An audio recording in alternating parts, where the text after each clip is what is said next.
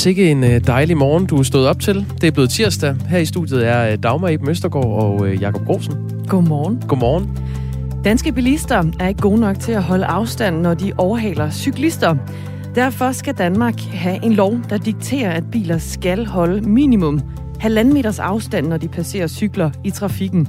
Det mener landets to store cykelorganisationer. Om et kvarter cirka, der taler vi med en af de cyklister, der oplever, at bilisterne, på trods af flere kampagner fra myndighederne, stadig ikke tager nok hensyn til de tohjulede trafikanter. Senere, der taler vi med bilisternes repræsentant, naturligvis FDM, der ikke mener, at det vil gøre en forskel at indføre en afstandsgrænse mellem biler og cykler, når de passerer hinanden. Og så runder vi også øh, landsformanden for Cyklistforbundet, der nu mener, at kampagner ikke længere er nok. Der skal altså lovgivning til, før bilisterne forstår, at der skal afstand til cyklerne. Bølgerne syd for Bornholm brydes netop nu af et hollandsk krigsskib. Øh, NATO har nemlig sendt skibet afsted til Østersøen for at sende et klart signal til Rusland, som den seneste tid har øh, rastlet med sablerne. Hidtil har den øh, russiske præsident Putin haft øh, soldater på jorden i blandt andet Kazakhstan og ved Ukraine, men nu besvarer NATO altså til vands ved at øh, vise flaget i Østersøen. Vi kommer til at tale med en dansk ekspert om, hvad det her skridt kan få af betydning i øh, konfliktoptrapningen. Og øh, Kai fra København har allerede været snarådig. Han har fundet sin mobiltelefon frem så har han sendt en sms til os på 1424. Han skriver, God morgen, tidlig morgen. Tænk lige, at Europa har invaderet Rusland mindst to gange. Næsten til udryddelse. Først Frankrig ved Napoleon, så Tyskland ved Hitler. Jo, Putin har rigelig grund til ikke at stole på nogen overhovedet, ikke fra Europa. Har Rusland nogensinde prøvet at invadere Europa, spørger Kai fra København. Og det er et eksempel på, at man kan tage sin telefon og skrive ind på 1424. Så kan man øh, blive læst op, hvis det kan være et relevant indspark til det, vi taler om. Aalborg Kommunes Sundheds- og Kulturudvalg skal vi også omkring, fordi de har med interesse fuldt sagen om kunstneren Jens Honing, der i går overskred en deadline for at betale over en halv million kroner tilbage til Kunstmuseet Kunsten i Aalborg. Museet har hvis drift blandt andet er finansieret af tilskud fra Aalborg Kommune, de har jo bedt en advokat om at anlægge et civilt søgsmål mod honing.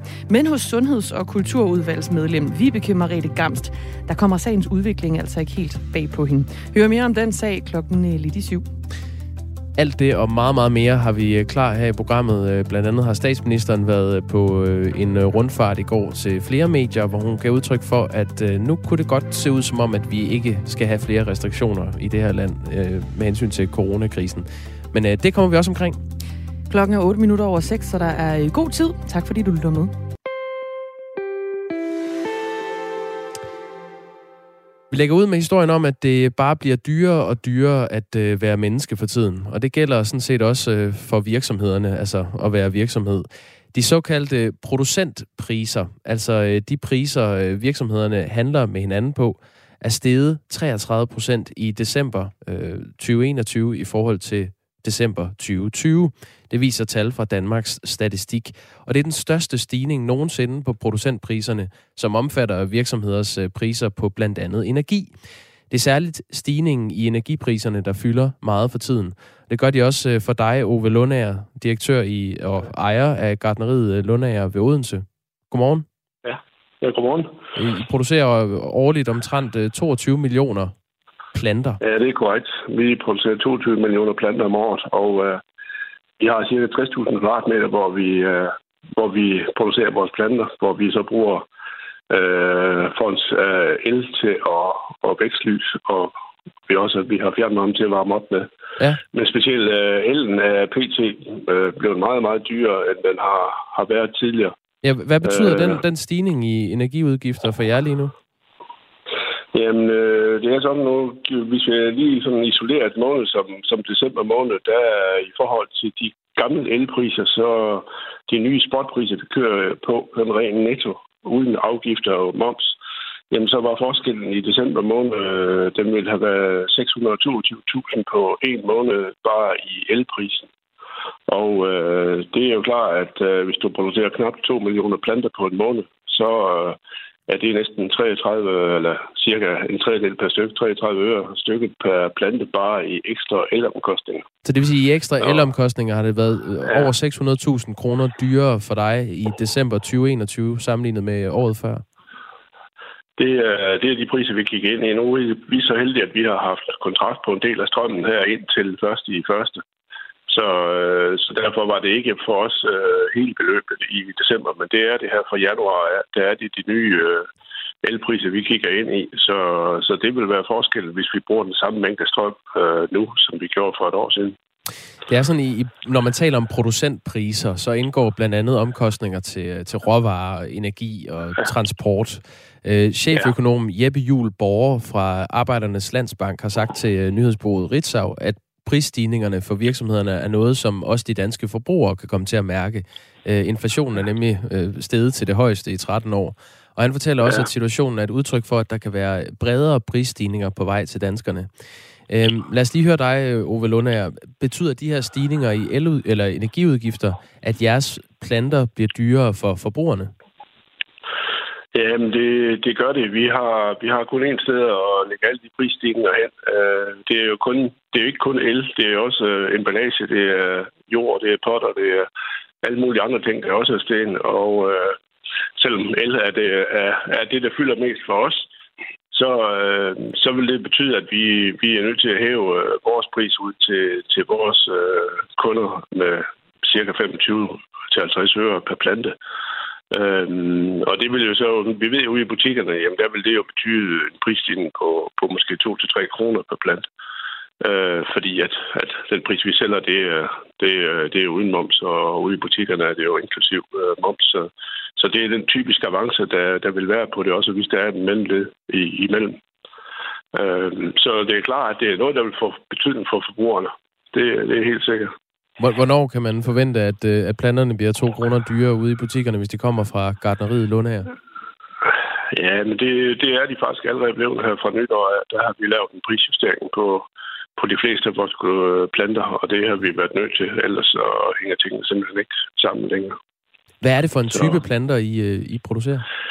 Det er mest uh, grønne miniplanter, vi laver. Uh, vi laver 500 forskellige slags, så det er sådan meget bred vift af, alt lige fra bregner til sukulenter og kaktus og så videre i små potter.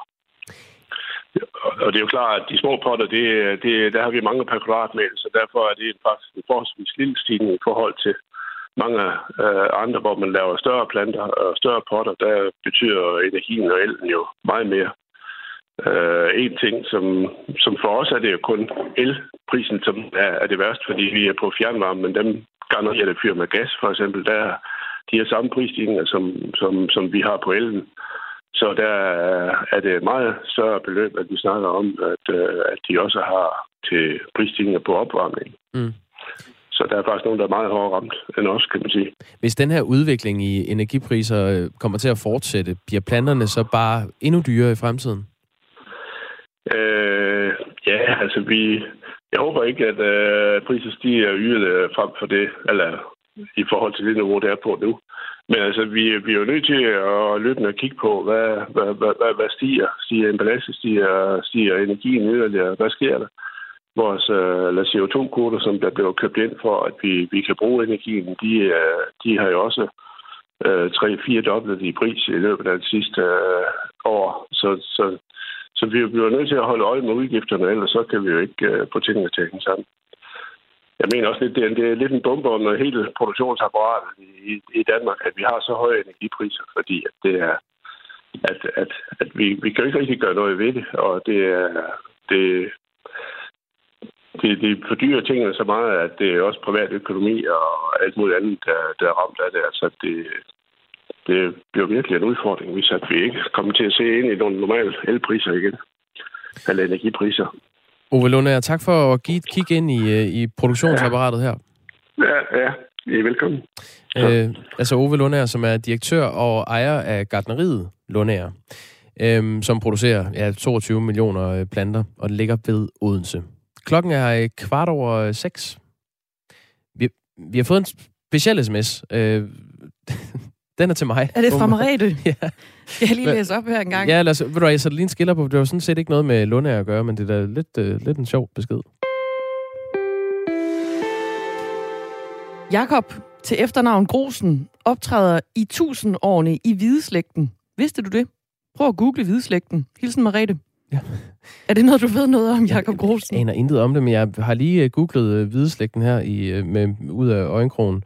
Øh, middelalderslægten Hvide, øh, som slet ikke kaldte sig Hvide, bortset fra Stis-linjen, der tog navnet lige inden slægten uddøde, har fået tilnavnet af eftertiden Hvide-slægten. Øh, det er noget i et øh, lokalområde i... Øh, ja, hvor filerne det hen? Mariette, du må godt lige skrive lidt øh, om, hvad, hvorfor det er, det er relevant. Det er meget, meget spændende, øh, for mig i hvert fald, hvor det er åbenbart er en navnebror, jeg har for hvideslægten. Øh, det er noget med Esbern Snare, altså ikke øh, krigsskibet, men... Øh, den oprindelige. Absalons uh, tvillingebror. Jeg, jeg, jeg ved ikke lige, Mariette, men, men tak for, uh, for indsparket. Det er jo et eksempel på, at man kan komme direkte i kontakt til os, hvis man uh, skriver ind 1424 og starter beskeden med R4 mellemrum. Vi har også fået en anden. Den går så på, uh, på historien om uh, cyklisme, og hvorvidt der skal være en lov om, at man ikke må køre uh, tættere på en halvanden meter i bil. Der er en, der skriver halvanden meters afstand, når man overhaler. Så når cyklisterne fylder hele vejbanen, skal jeg så overhale dem på fortoget i modsatte side, fordi der er et lovkrav om at holde halvanden meters afstand. Så er der en, der skriver vedkommende hashtag vanvidscyklisme. Der er en eller anden, der er utilfreds med den måde, øh, de danske cyklister de øh, færdes på på vejene. Men det er jo egentlig et meget godt input til, øh, til den historie, fordi hvis man så som cyklist betragtet kører lidt for langt inde på vejen, jamen så har man jo balladen øh, i forhold til bilerne, så skal de over i den anden vejbane. Ja. Øhm, så det, det tager vi da med videre til, til dem, der mener, at, øh, at det skal være øh, noget, der bliver besluttet ved lov. Absolut. Øh, der er også en, der skriver, at der findes også rigtig mange cyklister, der misbruger deres position som de svageste i trafikken. Lad os tale med dem også. Det kommer vi også til. Vi det kommer til vi. at tale med øh, Danmarks Cykleunion, for eksempel, og Cyklistforbundet. Også dem. Godt. SMS'er bliver sendt herind. 1424 var nummeret.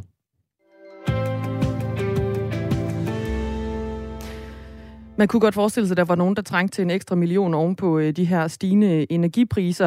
Og jeg kan huske, øh, Jakob Grosen, i december måned, sådan ret tidligt, jeg tror måske det var den 3. december, der øh, blev det opklaret, at den første million i de der skrabejulekalendere var vundet.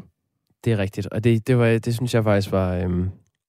det er bare det er træls, fordi det ødelægger spændingen. Det var, det var lige rigeligt tidligt, ikke? Jo. Men spændingen har jo holdt øh, helt indtil faktisk i øh, forleden. Fordi nu er den sidste million vundet i skrabejulekalenderne for øh, december måned. Det den skriver, sidste vinder er fundet? Den sidste og femte og sidste vinder er fundet. Det er noget, Avisen Danmark øh, de har, øh, har berettet om. Hvert år der er der jo fem øh, gange en million kroner på spil, mm. som man altså kan vinde i de her øh, savnomsbundne julekalendere, som øh, folk sidder og skraber i, og så får man lige præcis ni juletræer og så er der lige fem heldige, der får 10 juletræer, som altså udløser den her million. Nu er øh, den sidste og femte million vundet. Det er en lille spilleklub fra Skive Kommune, der har spillet sammen i 40 år. Så vi er faktisk tre, der skal dele gevinsten, fortæller vinderen, som øh, er anonym dog, men vedkommende spiller altså med øh, sine to brødre. Og nu har de vundet en, øh, en million.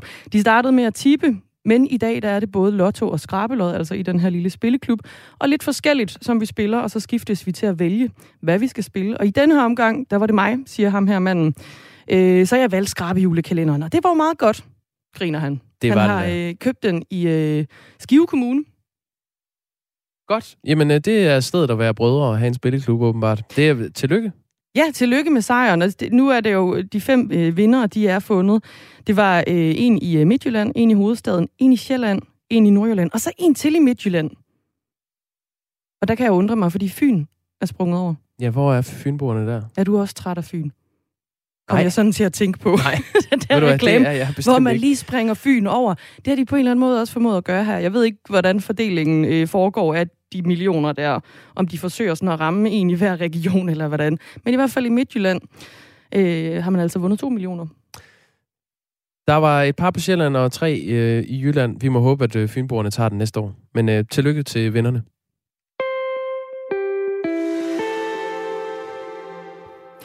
Bilisterne i Danmark er ikke gode nok til at holde afstand til cyklerne.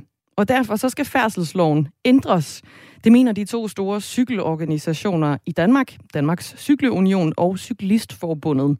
Lige nu der er det et lovkrav, at der holdes tilstrækkelig afstand, hedder det, mellem bil og cykel. Men den formulering bør skærpes, så det bliver et lovkrav, at der minimum holdes halvanden meter afstand til cyklerne, når man passerer dem i bil.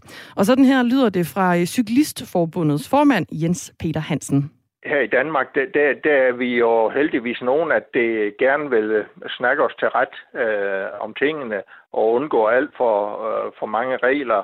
Øh, og jeg må sige, at øh, jeg har selv hørt til blandt dem, at øh, jamen, altså, hvis vi nu fortæller bilisterne, så nu for at give os godt med plads og så videre, at, at så går det nok.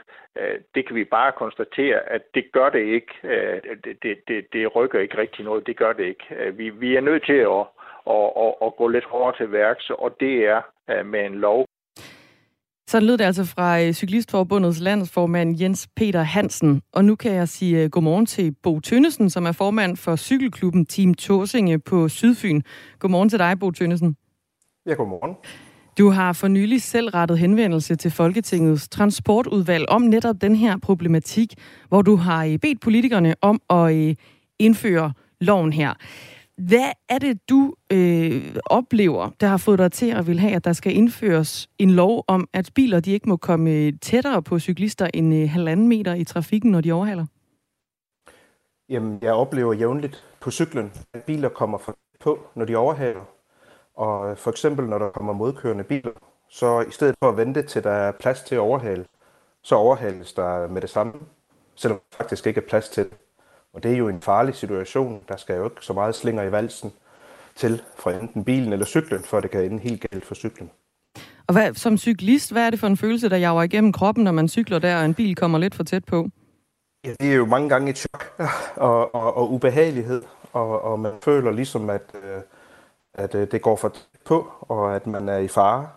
Og det, man skal huske, det er jo, at øh, mange bilister er jo ikke klar over, at det føles sådan. Mange bilister er jo ikke selv bilister. Og der kan en, en lovregel være meget bedre til at, at forklare, hvad det er, at der er nødvendigt at holde afstand.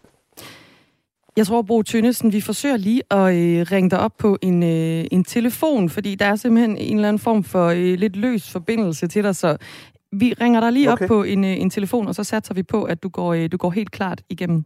I mellemtiden kan vi jo tage en sms, der er kommet ind fra Nils, som øh, også cykler. Ja, tak. Han skriver, for nylig blev jeg på cykel overhalet af en bil på Strandvejen nord for København. Jeg følte mig klemt ind mod kantstenen, så jeg råbte meget højt, hey! Få sekunder senere havde jeg en helt civiliseret samtale med bilisten, der holdt for rødt. Han undskyldte med, at der var kommet en modkørende bil, men så skulle han jo bare have ventet med at overhale. Så kom det virkelig i guldkorn. Der er virkelig dårlig plads til cyklister på Strandvejen sagde bilisten altså. Han havde åbenbart besluttet med sig selv, at der var plads til ham, men ikke til mig. Og det var altså en høflig mand, ikke en af dem, der bare dytter utålmodigt eller giver en fingeren, skriver Niels. Det er altså endnu et eksempel på, at man kan skrive ind på 1424, start med R4 og øh, lave et mellemrum. Det kan være, at du jo selv har øh, haft problemer, sådan som øh, Nils har oplevet det, oplevet det her med, at bilisterne de kommer øh, for tæt på. Hvad tænker du om, at øh, man måske skal indføre en lov om, at der skal være afstand på halvanden meter fra øh, bilist til øh, cyklist? Bo Tønnesen, formand for øh, cykelklubben Team Torsinge på Sydfyn. Du er med os igen. Ja. Tak for tålmodigheden.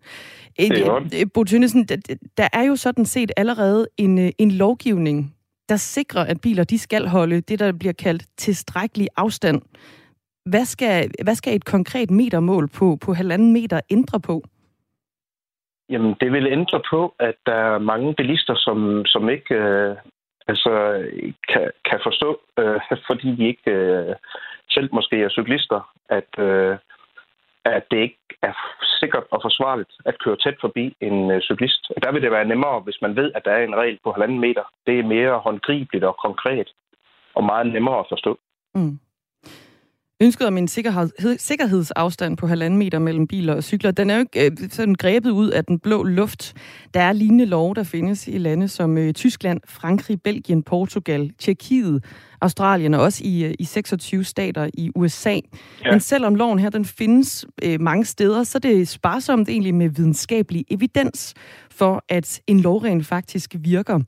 Der findes to nyere studier fra amerikanske universiteter, og det ene konkluderer, at der ikke kan drages direkte paralleller mellem en lov og afstanden mellem biler og cykler. Og det andet studie konkluderer, at der i områder, hvor lovkravet dikterer en afstand på 2 meter, i stedet for de her halvanden meter eller derunder, at det kan være effektfuldt. Men det studie det pegede også på, at 70 procent af bilisterne slet ikke kendte lovkravet.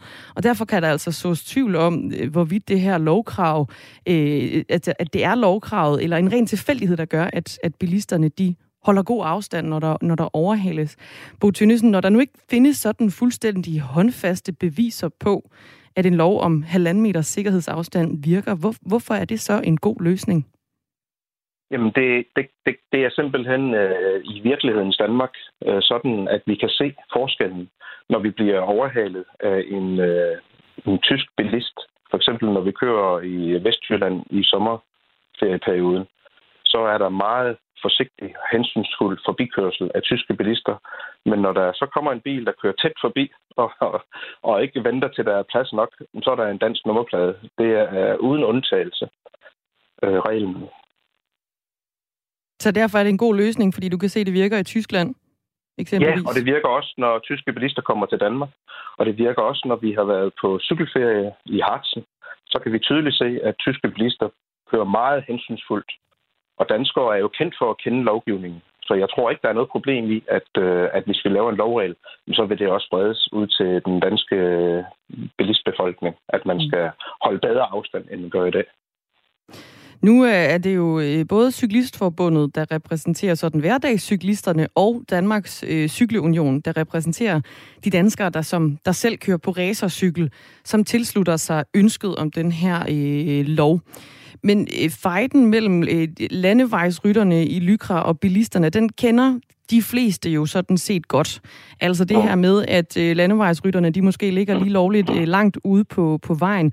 Kunne man forestille sig, at motionscyklister som der selv føler sig mere udsat i trafikken, når bilisterne de overhælder, fordi I ikke altid selv er de allerbedste til at give plads? Altså, det er en god pointe, som vi selv er meget opmærksom på, og som vi arbejder meget på i klubben, at forhindre vejbrede ved selv at signalere ordentlighed i vores kørsel på landevejene, og ikke fylde hele vejen. Øh, det er en meget vigtig pointe. Men, øh, men øh, jeg tror faktisk, det er de færreste bilister, der er så hensynsløse, at de bliver irriteret og kører tæt på af den grund. Jeg tror, de fleste bilister, det er fordi, det er uvidenhed om, hvordan det føles for en cyklist. Den her bekymring for øh, om, om en helt fastlåst afstand i, øh, i loven vil have den ønskede virkning.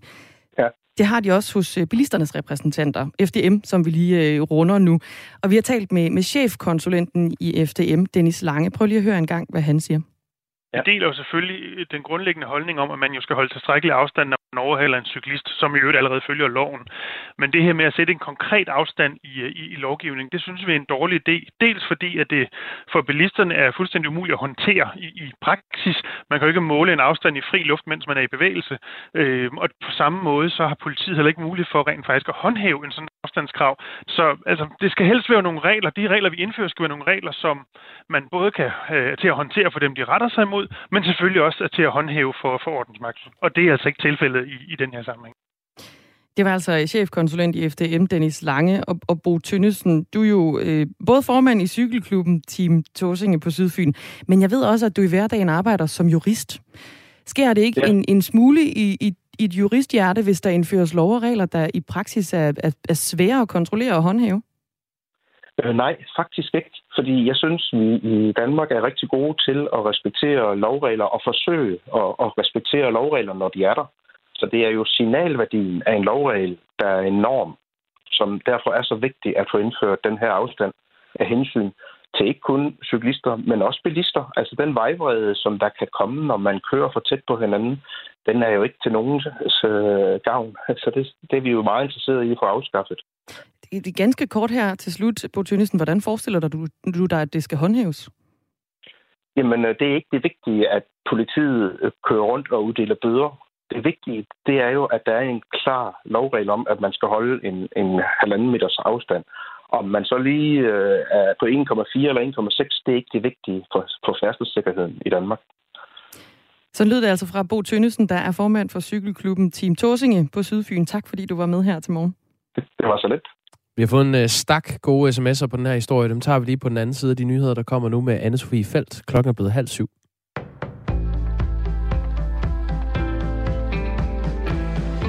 Energiselskabet EVI foreslår, at varmepumper bliver forbudt i områder, hvor fjernvarme er en mulighed. Det skriver Avisen Danmark. Forslaget bunder i, at det danske elnet er nedslidt og presset af den grønne omstilling. Det fortæller Lars Bunderup Bjørn, der er direktør i elselskabet EVI til Avisen Danmark. Jeg mener, at man politisk skal indføre en regel om, at man bor i et øh, om at man bor i et område med fjernvarme, så skal man altså tilslutte sig det i stedet for at få varmepumpe.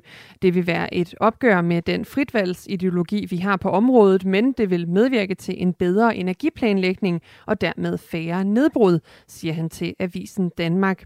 Energiselskabets forslag kan give god mening, vurderer Peter Sorgnes, der er lektor i energiplanlægning på Aalborg Universitet. Fjernvarme bliver stadig mere klimavenligt, og det er billigere i forhold til integrationen af vedvarende energi, hvis vi udnytter og udbygger det. Det er en åbenlyst bedre løsning end varmepumper i rigtig mange tilfælde, siger Peter Sorgnes til Avisen Danmark. En del efterskoler har været nødt til at hjemsende elever på grund af coronasmitte, kort tid efter, at eleverne er vendt tilbage den 9. januar. Det fortæller Torben Vind Rasmussen, der er formand i Efterskoleforeningen. Min fornemmelse er, at der er en del skoler, som, øh, som bøvler med øh, coronasmitte, og, og dermed sender jo elever hjem, som er smittet, og nærkontakterne hjem. Efterskoleforeningen har ikke en overordnet statistik på, hvordan det forholder sig på de forskellige efterskoler, understreger han. Flere regionale medier har dog beskrevet, hvordan nogle efterskoler har hjemsendt mange elever, som enten er smittet eller nære kontakter. Jyske Vestkysten skriver eksempelvis, at der på Rejsby Europæiske Efterskole i går var 50 smittede blandt lærere og elever, som altså blev testet, ja, som altså skulle hjem. Reglerne for efterskoler betyder, at hvis en elev bliver testet positiv for coronavirus, så skal elevens værelseskammerater og deres eventuelle kæreste sendes hjem, fordi de betragtes som nære kontakter. Selvom efterskolerne bøvler med hjemsendelserne, så mener Torben Bind Rasmussen, at reglerne er fornuftige. Når sundhedsmyndighederne er trygge ved, at det er den måde, vi gør det på, så er jeg egentlig tryg ved det. Øh, jeg tror, det er vanskeligt for den enkelte efterskole at finde ud af, hvornår er øh, smitten i, på, på en skole så omfattende, at man skulle lukke hele skolen. At, at det, øh, så den stillingtagen er man fri for. Øh, man har nogle klare retningslinjer, som siger, at øh, dem, der er smittet, de skal hjem, og dem, der er nærkontakter, de skal hjem og have en test, øh, før de kan komme tilbage igen. Øh, og, og det synes jeg, at det giver jo en lokal ansvarlighed. Den enkelte skole tager ansvar for den øh, smittespredning, der eventuelt måtte være på skolen. FN har registreret et nødsignal fra ø-nationen Tonga. Det sker efter et vulkanudbrud under havets overflade udløste en tsunami, der rejste så langt som Alaska, Japan og Sydamerika. Siden der internettet og og internationale telefonlinjer været ude af drift, og derfor så er det vanskeligt for omverdenen at få indtryk af, hvor omfattende skaderne er. Ifølge FN's kontor for koordinering af nødhjælp, så er øh, så er de særlig bekymrede for de lavt liggende øer Mango og Funøje, og nødsignalet, som er blevet opfanget, kom fra Mango. Indtil videre er en britisk kvinde, der boede i Tonga med sin mand, bekræftet død. Verdens største slæbende diamant bliver snart sat til salg på en aktion. Diamanten, der er sort og hedder Enigma, forventes at kunne komme op og koste, hvad det svarer til 32,6 millioner kroner. Tørt og i de østlige egne først nogen eller en del sol, temperatur op mellem 3 og 8 grader og svag til frisk vind. Det var nyhederne her på Radio 4.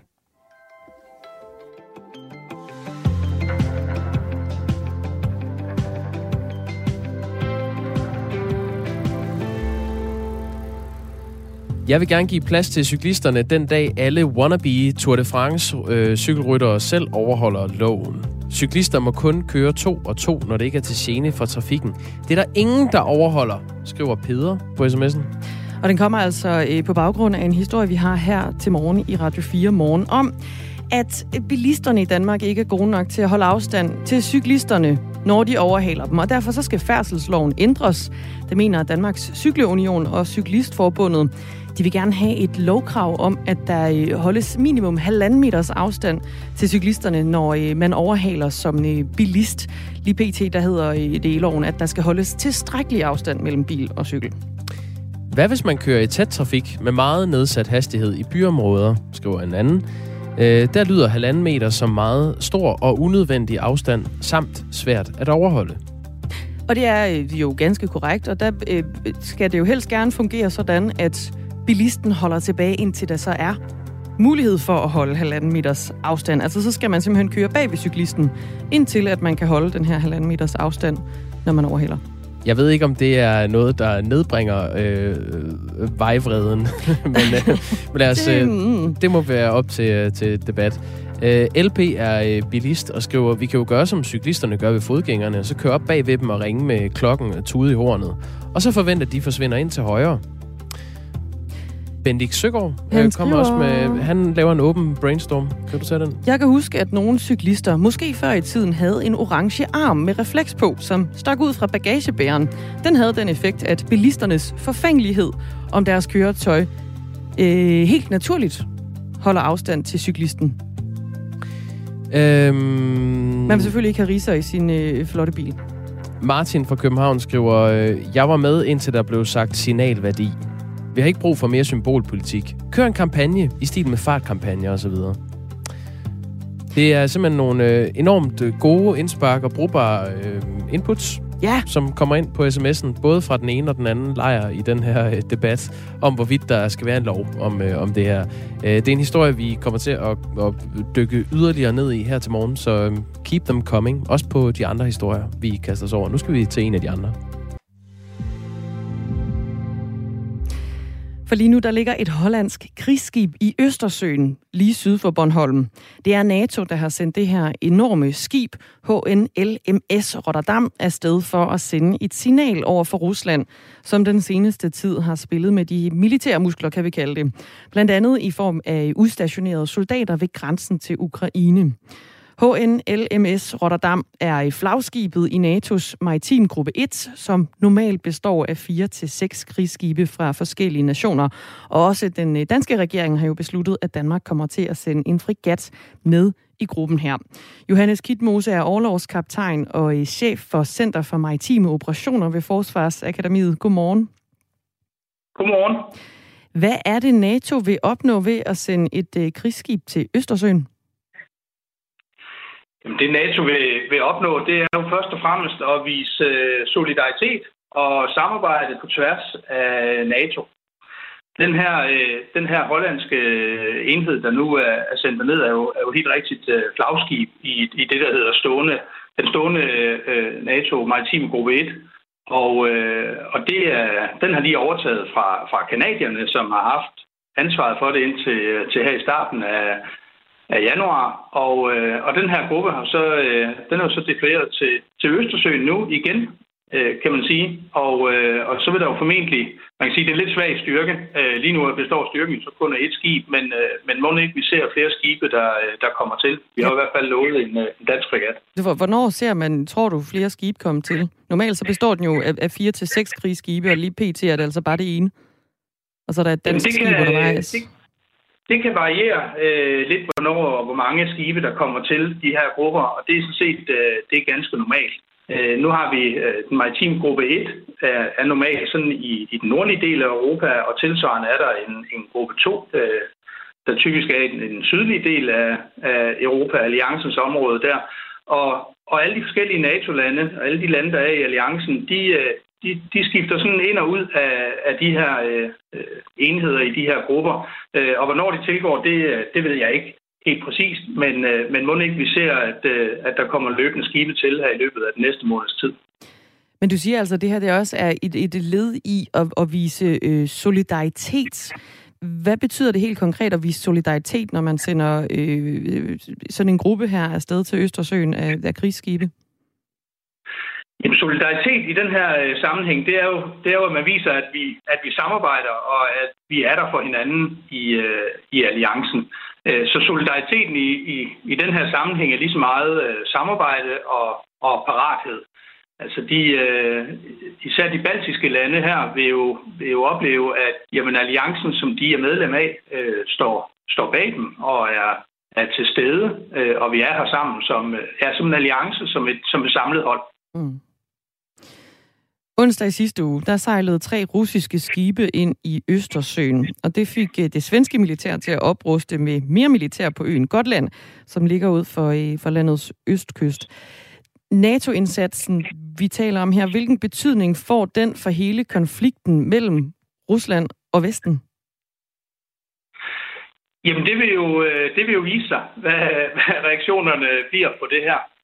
Jeg tror, det, der er vigtigt i den her sammenhæng, det er at, og sådan kigge ind i, hvad, hvordan, øh, hvordan opererer vi øh, normalt i NATO med vores øh, militære styrker.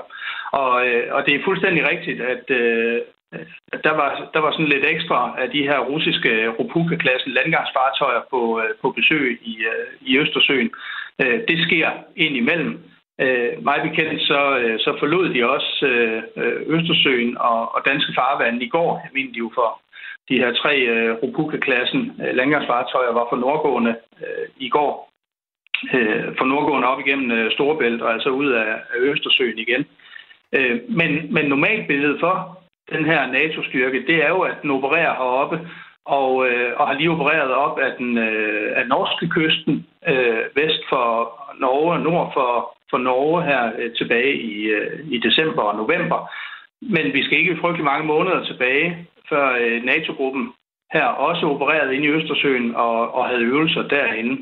Øh, så der er ikke noget, der sådan på den måde afviger fra normalbilledet og den måde, som, som NATO benytter sine øh, stående flådestyrker på. Mm. Og hvordan tror du så, altså når det ikke rigtig afviger fra normalbilledet, hvordan tror du så, russerne de kommer til at reagere på indsatsen fra NATO? Jamen altså, vi ser jo, ser jo forskellige reaktioner. Nu, nu er det jo også øh, meldt ud, at, at, øh, at Hvide Rusland og, og Rusland vil holde nogle, noget øvelseværk sammen her i, i februar måned. Øh, det er også øh, helt øh, tilgængeligt øh, viden, at, at vi her i marts måned skal holde en større øh, NATO-øvelse øh, ved øh, Vest Norge og Nord for Norge, blandt andet med, med deltagelse af nogle ankerskibsgrupper. Øh, så, og det kan der også igen komme en, øh, en reaktion på fra den russiske nordflåde. Øh, så på den måde, der, der, der kører de her øvelser egentlig kontinuerligt og er, er også anmeldte øh, øvelser mellem, mellem Rusland og, og NATO. Kommer vi til at se, at, at russerne så vil, vil have flere skibe til søs og træne mere og lave skydeøvelser og sådan noget? Det kan man jo selvfølgelig ikke, det kan man selvfølgelig ikke afvise.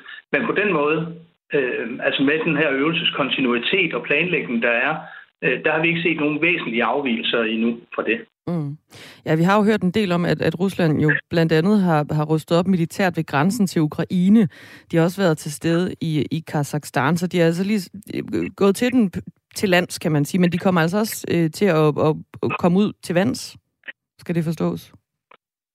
Jamen, det vil de jo gøre, og også øh, i luften øh, på den måde, som, øh, eller tilsvarende som, øh, som NATO også er det. Øh, og igen handler det jo om, både fra russisk side og fra NATO's side, at, at vise den her parathed. Ikke? Det er en måde, det er den måde, vi ligesom øh, opererer på og, og viser vores tilstedeværelse og anvender det militære øh, magtinstrument, mens de her øh, diskussioner øh, mellem, mellem, mellem Rusland og Vesten pågår. Mm. NATO-flåden, der, der, er, der, der er udsendt nu i, øh, i Østersøen, og hvor der altså også øh, kommer et dansk skib, der støder til. Hvad, hvad skal de helt konkret lave i området? Jamen, de kommer til at øh, lave en masse øvelser sammen. Og de kommer også til at lave øvelser med, øh, med de lande, der ligger i øh, Østersøregionen. Nu øh, det hollandske skib, der er kommet ned, de har, øh, de har sådan inden for den seneste uge her blandt andet lavet lidt, øh, lidt øvelser med, øh, med Tyskland. Og øh, de har også lavet øvelser med danske F-16-fly. Der trænede de sådan lidt, øh, lidt øh, øh det, der hedder antiluft-krigsførelse øh, med, med de her danske F-16'er. Og det er, det, det er den slags, slags øvelser, man sådan vil, vil lave. Man kan også lave øh, skydeøvelser, man kan lave alle mulige forskellige øvelser. NATO har en kæmpe øh, register af alle mulige forskellige øvelser, man kan lave der, for netop at dygtiggøre sig og holde sit, øh, sit professionelle niveau og, og holde sig parat. Johannes Kitmose, vi har fået en sms ind på 1424. Der er en, øh, en lytter, der er bekymret, når, når vedkommende hører om, øh, om de her øvelser og operationer, der altså bliver sendt ud både fra russisk side, men også fra NATO's side. Der er en, der spørger, hvor tæt er vi på krig? Kan du øh, gøre os klogere på det? Nej, det kan jeg, det kan jeg desværre ikke. Der, der er jo rigtig, rigtig, rigtig mange faktorer, der, der spiller ind øh, her. Men, øh, men vi må da krydse fingre for, at, øh, at det ikke er op over. Det håber jeg da personligt selv. Det var håbet, der kom fra øh, Johannes øh, Kitmose. Tak, fordi du var med. Velbekomme. Overlovskaptajn og chef for Center for Maritime Operationer ved Forsvarsakademiet. Klokken er kvart i syv. Du lytter til Radio 4 morgen. Skilsmissen på Radio 4. Far kan en mor og en far godt være kærester. Fuck, mand, ikke? Altså... Hvert andet ægteskab i Danmark går i stykker. Og hvem er man bagefter? Vi taler med 10 kendte danskere om ensomhed, splittede venskaber og om at tage børnene med i faldet. Skiftedag, det er noget fanden har skabt. Find Skilsmissen som podcast og søndag kl. 11.05 her på Radio 4. Det var det helvede for mig. Radio 4 taler med Danmark. Der er kommet nyt fra øh, Marete, der skrev ind øh, tidligere på sms'en 1424 om øh, Jakob Grosen og hvideslægten. Jeg sidder jo her i studiet med øh, dig, Jakob Grosen. Ja, det kan jeg bekræfte. Hun opfordrede til, at vi lige skulle øh, google hvideslægten og øh, Jakob Grosen, og hvad der lige var for en sammenhæng der. Ja, hvad var det, hun, hun skrev? Jakob til efternavn Grosen optræder i tusindårene i hvideslægten. Vidste du det? Det vidste du ikke. Nej, ja, fuldstændig øh, sat af på den. Nu er der kommet en opfølgning. Ja. Mariette skriver, Jakob, Google, hvide Wikipedia, Asserlinjen. Cecilie Esbern datter var gift med Andreas Grosen. Du er således ikke en direkte efterkommer, men alligevel. At være gift med en kvinde af dansk uradel er dog noget at prale af for dine forfædre. Man bliver grebet af det. Så god fornøjelse i din fritid. Tak, Marete. Det er, øh, det er simpelthen spændende for mig, det der. Det er en, øh, en form for øh, live slægtsforskning, vi lige får lavet her, noget øh, middelalderhistorie. Det vil jeg prøve at dykke ned i. Det lyder, det lyder spændende. Det er jo, ja, igen bare øh, et eksempel på, at man øh, skriver ind, og så havner sms'erne inde ved øh, os direkte på skærmen, lige efter du har sendt fuldstændig uden censur. Og så øh, gør vi med, hvad vi har lyst til. Ja. Vi læser i hvert fald dem alle sammen. Ja, det kan vi øh, Nok ikke dem alle sammen op, fordi der vælter altså sms'er ind i dag. Ja, det, det kan vi så ikke love, men vi kan love, at vi læser dem. Så det skal du vide. Tak for øh, indsparket. Nu skal det handle om en øh, spektakulær kunstsag, eller tyverisag, om man vil, øh, som udspiller sig i, øh, i Aalborg. Aalborgs Kommunes Sundheds- og Kulturudvalg har med interesse fulgt den her sag, som øh, handler om Jens Håning, kunstneren, som i går overskred en deadline for at betale lidt over en øh, halv million kroner tilbage til Kunstmuseet Kunsten.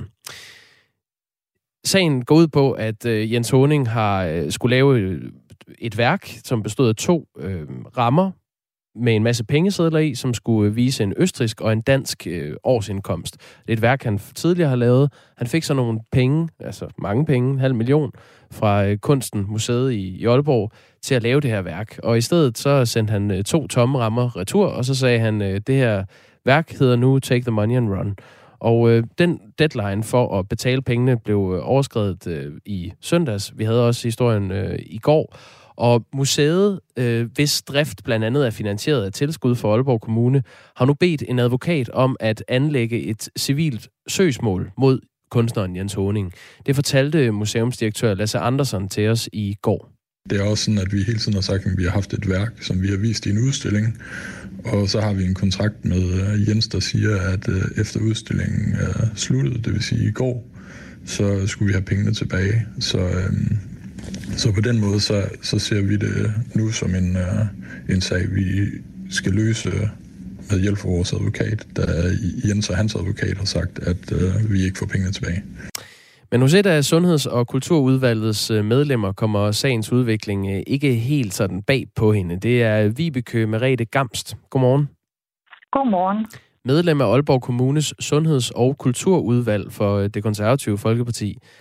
Du er ikke ved at falde ned af stolen af overraskelse over den her udvikling. Hvorfor er du ikke det?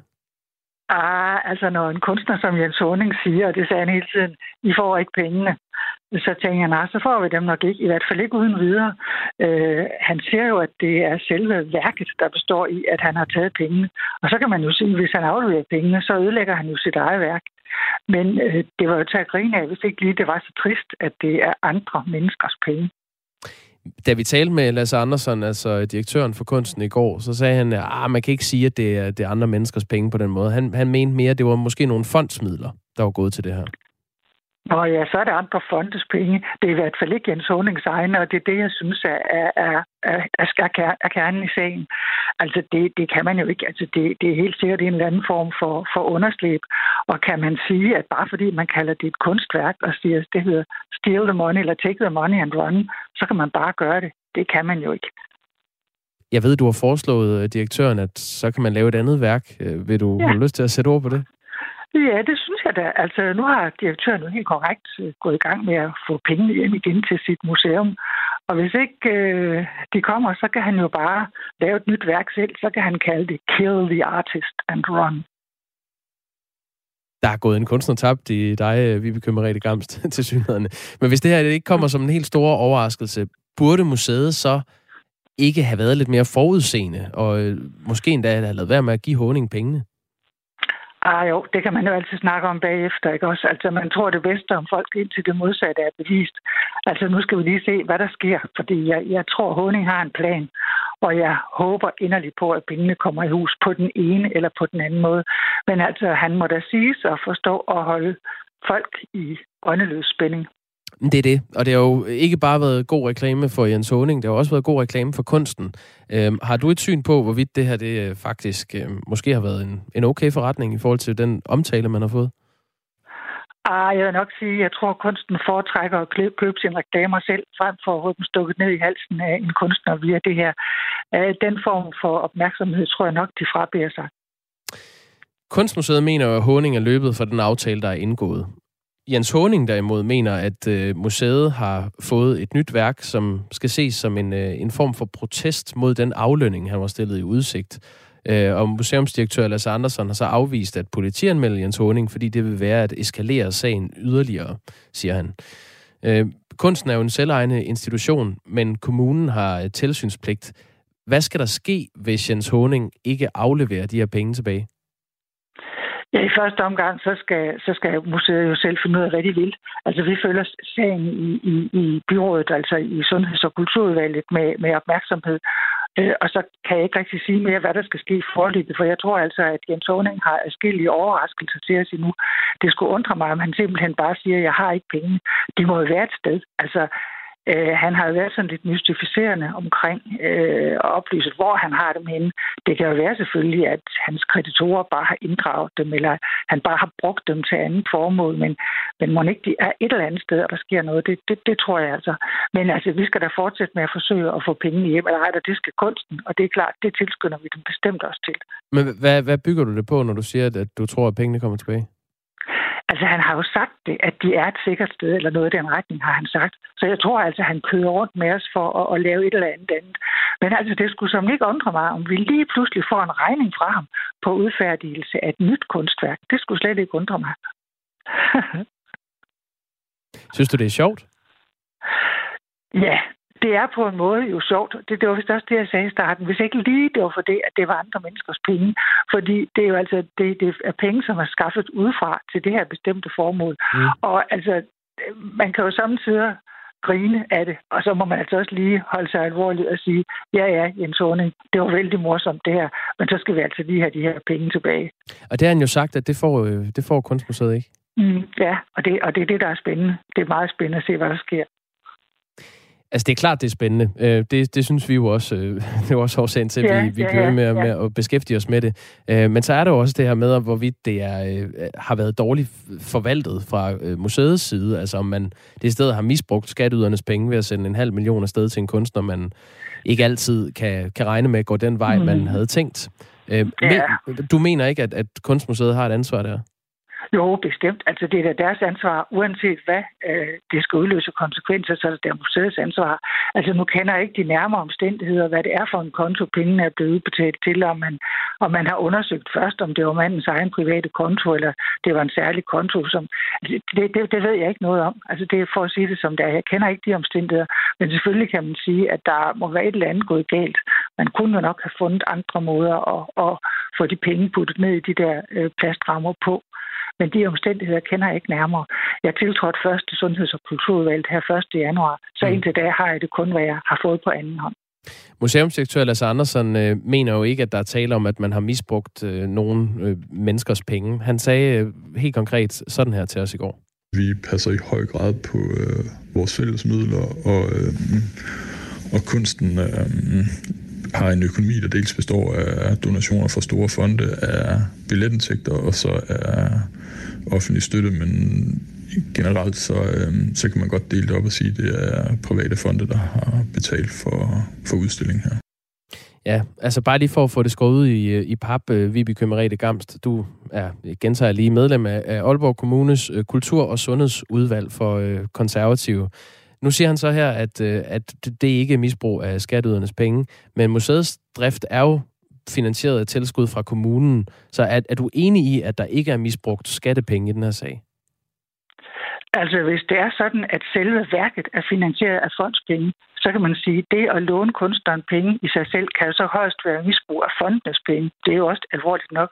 Mm. Men dertil kommer jo også spørgsmålet, er, er der foregået, er det her udlån af midlerne, for der er jo i realiteten tale om et lån, ikke? Man betror manden nogle penge, som han må bruge til et kunstværk, og så skal de komme tilbage. En ting er selve lånet, om, om man må det. Noget andet er så omstændighederne omkring dem, hvorunder man har udbetalt dem. Øh, skulle man for eksempel have gået direkte ned i, i en bank, have bestilt pengene på forhånd, og så fået dem med hjem til kunsten, eller skulle man have sikret sig, at de blev indsat på en konto, hvorfra kunstneren ikke selv kunne hæve, eller at der skulle være en med for kunsten til at hæve. Altså man kan tænke sig mange konstruktioner, men dem, men dem kender jeg ikke. Jeg synes bare, der er to aspekter i det. Dels for det første er det misbrug af penge og udlåne dem til kunstneren, og dernæst er den der udlåning, er det, er det foregået på, på betryggende vis. Jeg synes, det er de to forskellige aspekter. Hvilke konsekvenser, altså udover den manglende halve million, kan den her sag få, øh, for eksempel i, i forhold til øh, museets omdømme? Ja, så det ved jeg ikke, hvordan omdømmet vil, vil blive. Altså, der er jo ingen tvivl om i hvert fald, at, at det her er blevet bemærket, og der er heller ingen tvivl om, at folk i sådan holdningsmæssigt deler sig i to. Øh, men jeg vil nok tro, at den dag, det ligger fast, om pengene er gået tabt eller ej, så tror jeg bestemt ikke, at der, vil være nogen som helst sympati for kunstneren. Og jeg synes også, at øh, han skulle tænke sig rigtig godt om, fordi øh, han er jo lidt afhængig af at kunne samarbejde med museer og gallerier. Og hvis det hedder sig, at man ikke rigtig kan stole på ham, eller han kan finde på vanvittige, vilde ting, som koster folk og hans samarbejdspartner mange penge, så er der ikke rigtig nogen, der tør samarbejde med ham længere. Nej, men hvis han kan finde på vanvittige, vilde ting, som øh, han, han skyder med skarpt, det kan jo også trække folk ind i butikken. Jo, det kan det muligvis. Altså sådan noget som at skyde med skarpt, siger du noget, jeg ikke, hvordan det skal forstås. Men altså, det er jo ikke nok, at han kan trække folk i butikken. Altså man skal også ligesom som museum kunne stole på ham, at han lever op til de aftaler, han indgår med museet. Mm. Øh, og altså forløbet kan vi se, at han kan finde på sove og mærkværdige ting. Øh, og så må vi så se, hvor sjovt det er i det lange løb. Hvad, hvad er øh, sanktionsmulighederne fra kommunens side? Altså har I, har I tænkt jer at, at gøre noget ved det her? Ikke umiddelbart. Altså det vil jeg ikke foreslå. Jeg vil foreslå, at nu overlader vi lige det her til, til kunsten selv. Det er jo en selvejende institution med, med en bestyrelse, så, så vi, vi har som hovedtilskudsyder selvfølgelig en tilsynspligt, og den har vi også øh, overholdt, og vi har også haft fat i, i, i kunsten efterfølgende. Men altså, hvad kunstens bestyrelse vil, vil stille op, det, det ved jeg ikke noget om. Det mm. må de jo finde ud af. Vibeke Merete Gamst, tak fordi du var med. Ja, selv tak, og god dag til jer. Ja, tak. I lige måde. Tak. Øh, medlem af Aalborg Kommunes øh, kultur- og sundhedsudvalg for det konservative Folkeparti. Ja, og vi ville rigtig gerne have haft en øh, kommentar fra kunstneren selv, altså Jens Honing, den her morgen, men det har altså øh, desværre ikke været muligt. Nyhedsbureauet Ritzau, de øh, citerer til gengæld en pressemeddelelse udsendt af kunstgalleriet Sapsei, hvor øh, Jens Honing udtaler, at han sætter pris på den debat, hans værk har kastet af sig. Det her er det mest vigtige værk, jeg har lavet til datum, og jeg er glad for at se, at det giver så stor genklang, også ud over kunstverdenen og den vestlige verden, siger Honing i øh, pressemeddelelsen her, hvor i det altså i øvrigt ikke fremgår, hvordan Honing forholder sig til at være blevet øh, sagsøgt af Museet Kunsten. Så får han også lige blandet øh, den vestlige verden ind i det. Det er meget interessant.